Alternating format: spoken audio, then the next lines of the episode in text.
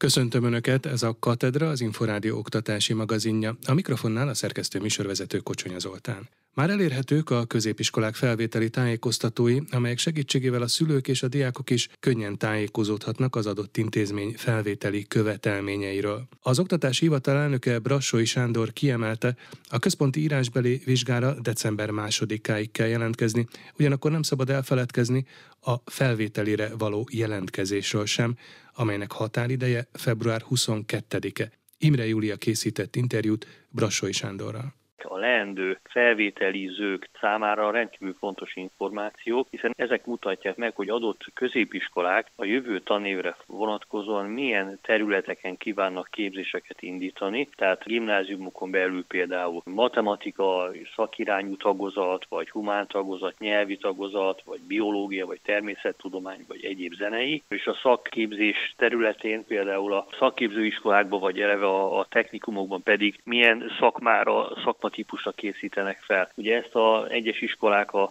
fenntartóikkal egyeztetik, és valóban október 20-a volt az a határidő, ugye, amíg a intézményeknek ezt a saját rendszerükben nyilvánosságra kell hozni, és így ezt követően már van komolyan értelme, funkciója annak, hogy a szülők a gyerekeikkel, vagy a pedagógusok a tanítványaik a 8.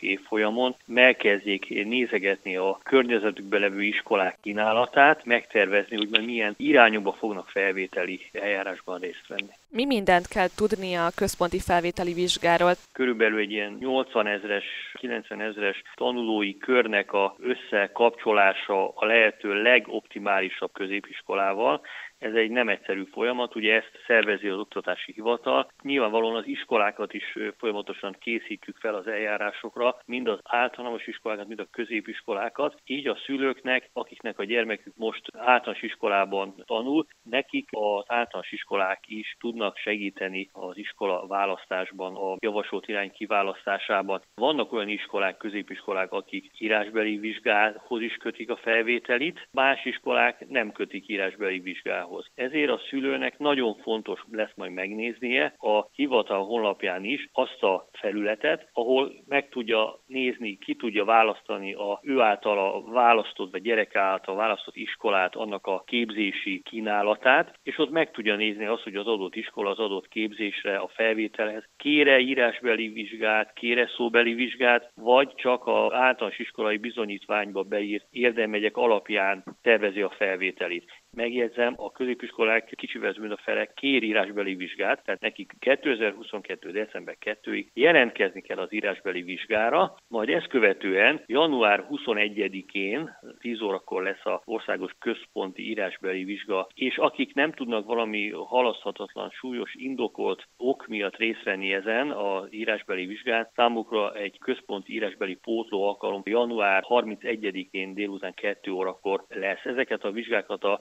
ezekre kijelölt a vizsgaszervező középiskolák szervezik. A jelentkezést a hivatal honlapján leírtak szerint megtehetik most már ügyfélkapus belépéssel, hitelesítéssel is, amit a hivatal most indított el. Sokan azt gondolják, hogy abban az iskolában kell a felvételi vizsgát is írni, ahova jelentkeztek, de ez nem így van, ugye? Ugye az országos írásbeli vizsga az egységes, mindenki ugyanazt írja, tehát ezért nincs relevanciának, hogy az írásbeli vizsgát melyik iskolában írja meg. Jelentkeztet valaki adott esetben budapestiként egy egy győri és egy soproni gimnáziumban vagy budapesti mellett, ő ha megírja Budapesten, akkor ezt az ott megírt teljesítményt a többi iskolába is abszolválni tudja. Viszont nagyon fontos, hogy az írásbeli vizsgára jelentkezés nem váltja ki a rendes felvételi eljárásba való jelentkezést, aminek a határideje február 22. Tehát minden tanulónak, aki most 8. évfolyamba jár, és minden olyan tanulónak, aki 8. évfolyam alatt, de szeretne 6 vagy 8 évfolyamos gimnáziumba tovább tanulni,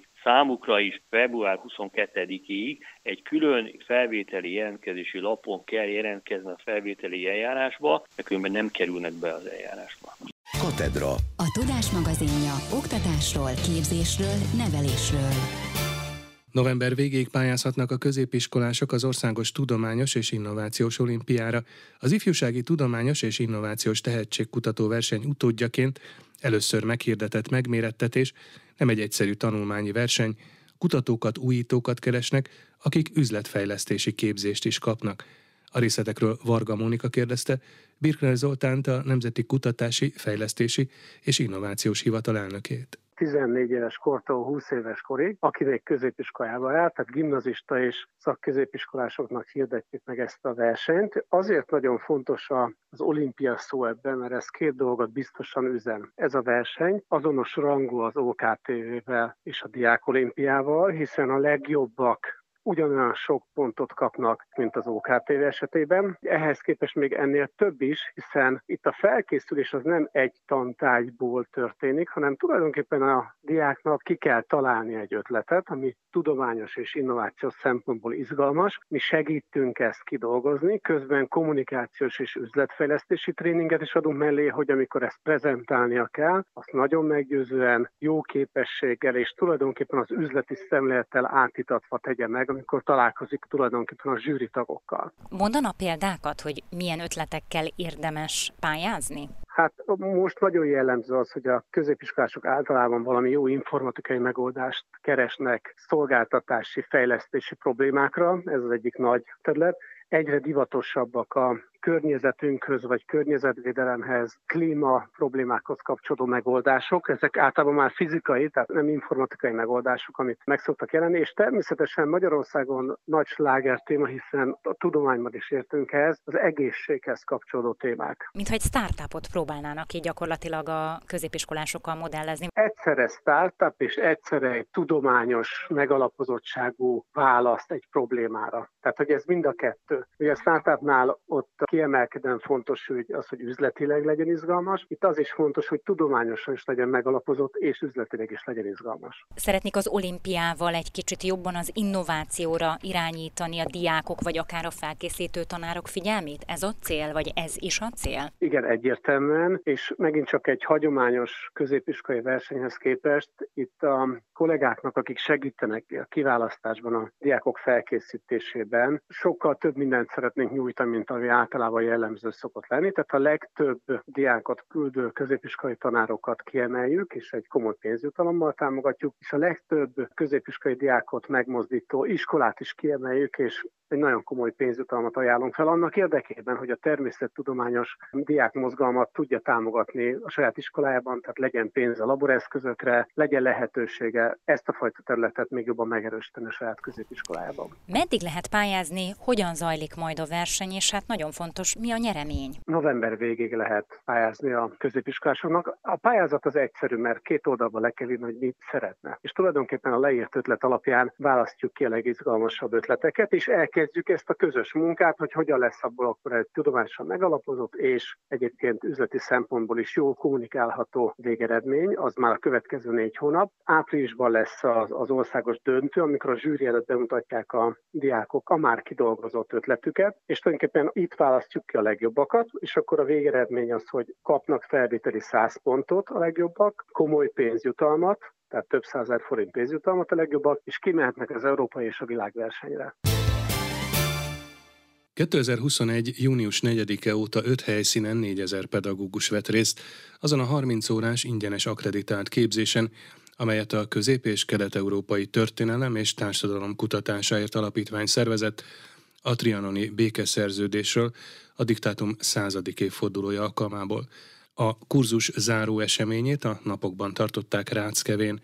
Ennek kapcsán kérdezte Schmidt Mária történészt, az alapítvány főigazgatóját, Herceg Zsolt. Sajnos csak 21. június 4-én tudtunk elindulni, mert a koronavírus miatt nem tudtunk ugye ilyen rendezvényeket tartani, és öt különböző helyszínen 4000 pedagógus részvételével ma zárul a program, ez az utolsó helyszín itt Ráckevén. Ráckeve az egyik helyszín, milyen más helyszínek voltak mégis miért éppen azok? Kecskemét, Balatonkenese, Mezőköves, Cegléd és, mint mondtam, Ráckeve. Azért ezek, mert az ország különböző részein kerestünk olyan szállodákat, ahol megfelelő színvonalon és megfelelő feltételek mellett tudtuk ezt a programot megvalósítani, mert arra törekszünk, hogy a résztvevő pedagógusok egyrészt megismerjék egymást, jól érezzék magukat, és hogy amikor az órákon vagy a foglalkozásokon vesznek részt, akkor ez is megfelelő körülmények között menjen végbe. Kik vehettek részt ezen a programon, és mit tanulhattak ezeken a programokon? Hát itt nem is annyira tanuláson van a hangsúly, inkább azt, hogy az új megközelítések, a száz évvel későbbi értelmezések, tanulságok levonása közösen megtörténjen, olyan szempontokat tudjunk behozni a trianoni békeszerződés, az első világháború, annak a következményeinek a feldolgozásába, amik esetleg eddig nem olyan hangsúlyjal merültek fel, de a mából visszatekintve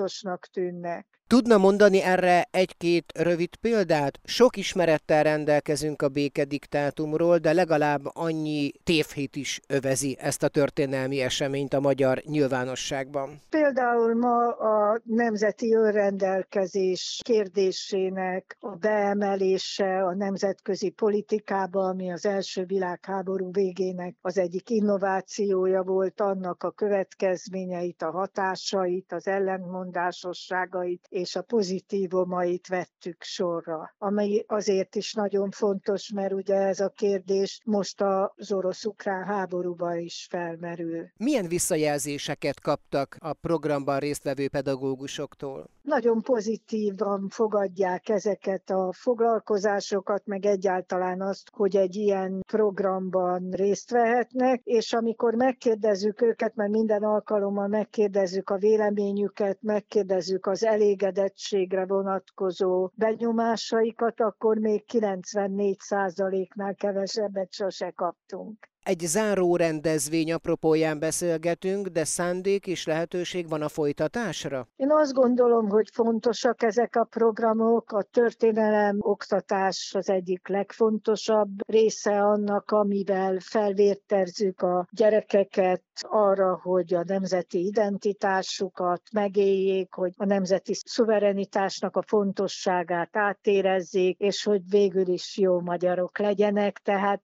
ezért szerintem ennek a, a programnak a folytatása mindannyiunk közös érdeke. Katedra. A Tudás magazinja oktatásról, képzésről, nevelésről. Nemzetgazdasági jelentőségű a pénzügyi ismeretek bővítése a mai háborúval, szankciókkal, energiaválsággal terhelt időszakban kiemelt jelentősége van a pénzügyi tudatosság és az öngondoskodás erősítésének. Erről beszélt Varga Mihály pénzügyminiszter az OTP Fáj András Alapítvány fennállásának 30. évfordulója alkalmából tartott ünnepi megemlékezésen. A miniszter hangsúlyozta, nemzetgazdasági érdek a pénzügyi tudatosság erősítése, mert hosszabb távon jelentős hatása van a családok jólétére és a vállalkozások teljesítményére. Emlékeztetett arra, hogy a kormány 2016-ban döntött a pénzügyi tudatosságra vonatkozó stratégia megalkotásáról, ezt a stratégiát összehangolták a Nemzeti Ifjúsági Stratégiával, az új fogyasztóvédelmi politikával, valamint a digitális oktatási stratégiával, és kiemelt célként egy pénzügyileg tudatos generáció felnevelését határozták meg. Csányi Sándor, az OTP bank elnök vezérigazgatója arról beszélt, hogy az OTP Fáj András alapítvány korszerű tudást és szemléletmódot közvetít, sikerrel tölti be az alapításakor neki szánt szerepet. Mint elmondta, nem csak középiskolásokat, hanem általános iskolásokat és egyetemistákat is oktatnak. A pénzügyi oktatása óriási az igény, mondta az elnök vezérigazgató, és nagy jelentőségűnek nevezte, hogy a fiatalok megfelelő pénzügyi ismeretekkel rendelkezzenek, és tudatosan hozzanak pénzügyi döntéseket. Az idén 30 éves OTP Fáj András Alapítvány évente több mint 20 ezer diáknak tart ingyenes képzéseket. Mind tartalmában, módszertanában és szervezetében is megújult a szakképzési rendszer, hívta fel a figyelmet az Innovációs Minisztérium szakképzésért felelős helyettes államtitkára. Bölöskei Gáborné elmondta, az átalakítással új izgalmas tartalmakkal gazdagították a szakképzést, elindult például az úgynevezett projektoktatás. Emlékeztetett, a szakképzésben minden diák 16 ezer forintnyi ösztöndíjat kap, míg a technikumban 8 ezret két évig. Az ösztöndíj feltétele, hogy a diák ne hiányozzon az órákról, és ne bukjon meg egyetlen tantárgyból sem. Az első években a diákok nem szakmát, hanem ágazati kompetenciákat tanulnak, amelynek részeként megismerhetik az egyes munkaköröket is, mondta a helyettes államtitkár. Hozzátette azt is, van olyan szakképzési iskola, ahol tízszeres a túljelentkezés, mint egy 180 olyan intézmény volt, ahová nem tudták felvenni az összes jelentkezőt. Megfogalmazása szerint a gazdaság igényeit elég jól levették a szülők, mivel egyre több diák választja a gépipart és a mehatronikát, de jelentősen javult az építőipar, és továbbra is jól teljesít a vendéglátás, valamint a turizmus is. Pölöskei Gáborné rámutatott, a gimnázium azok számára jó választás, akik bölcsészpályára készülnek, de aki például mérnök szeretne lenni, szerencsésebb, ha a technikumot választja, mert jobb alapokat szerezhet a felsőoktatáshoz. Az úgynevezett bemeneti mérések szerint jelentősen emelkedtek a tanulmányi átlagok, ami azt jelzi, hogy a minőségi oktatás felé mozdult el a szakképzés, emelte ki a helyettes államtitkár. Az idei tanévben is elindul az IDEA Fest elnevezésű középiskolai ötletverseny, amelyre november 9-ig adhatják be jelentkezésüket a Budapesten és Pest megyén kívüli középiskolás diákok. Az előző tanévben első alkalommal meghirdetett ötletversenyre mintegy 400-an jelentkeztek. A versenyt akkor a Soproni Berzsenyi Dániel Evangélikus Gimnázium csapata nyerte meg. A cél az, hogy a fiatalok az innovatív ötleteiket tovább fejleszthessék, valamint tapasztalatot szerezhessenek a vállalkozói ismeretekből. Nemzetközi ismeretekre is szert tehetnek, hiszen az első helyezett az Amerikai Egyesült Államokba, a második Finnországba, a harmadik Németországba, a többi csapat pedig Csehországba utazhatott el. A mostani tanévben a technológiai és ipari minisztérium területeit lefedő témákat jelöltek meg, Ilyen az energetika, a zöld szempontok, a közlekedés, az ipar 4.0, a foglalkoztatás, de ezeken felül egyéb technológiai kérdést is megfogalmazhatnak a diákok. A tavalyi versenyen helyezést elért csapatok vállalkozási ötlete továbbment, jelenleg első körös befektetés előtt állnak. Csukás István író nevét vette fel Kőbányán az egyik általános iskola, ahová beköltözött az író és mesehősei személyisége. A kerület polgármesterét D. Kovács Róbertet Domani Csandrás kérdezte.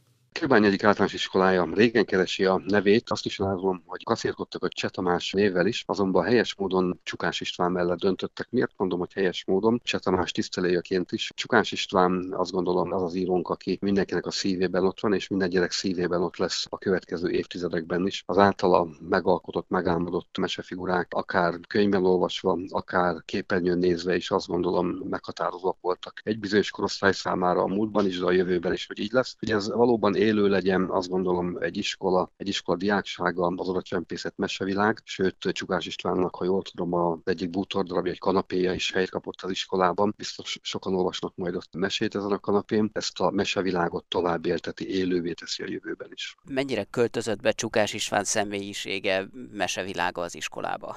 Az évnyiton ott volt süsű, ott voltak a, a figurák, a gyerekek ámulva simogatták, és biztos vagyok benne, hogy ez nem csak ez az egyszeri alkalom jelenti azt, hogy valóban élő módon legyen jelen, hanem az iskolában a jövőben szervezendő események, foglalkozások, azok mind-mind erősíteni fogják, illetve erősíteni fogják azt a törekvést, hogy valóban olvasó gyerekeket neveljünk, értő olvasó gyerekeket neveljünk, akiket azt gondolom e világhoz a meséken keresztül lehet a legjobban elvezetni. Katedra. A Tudás magazinja oktatásról, képzésről, oktatásról, nevelésről.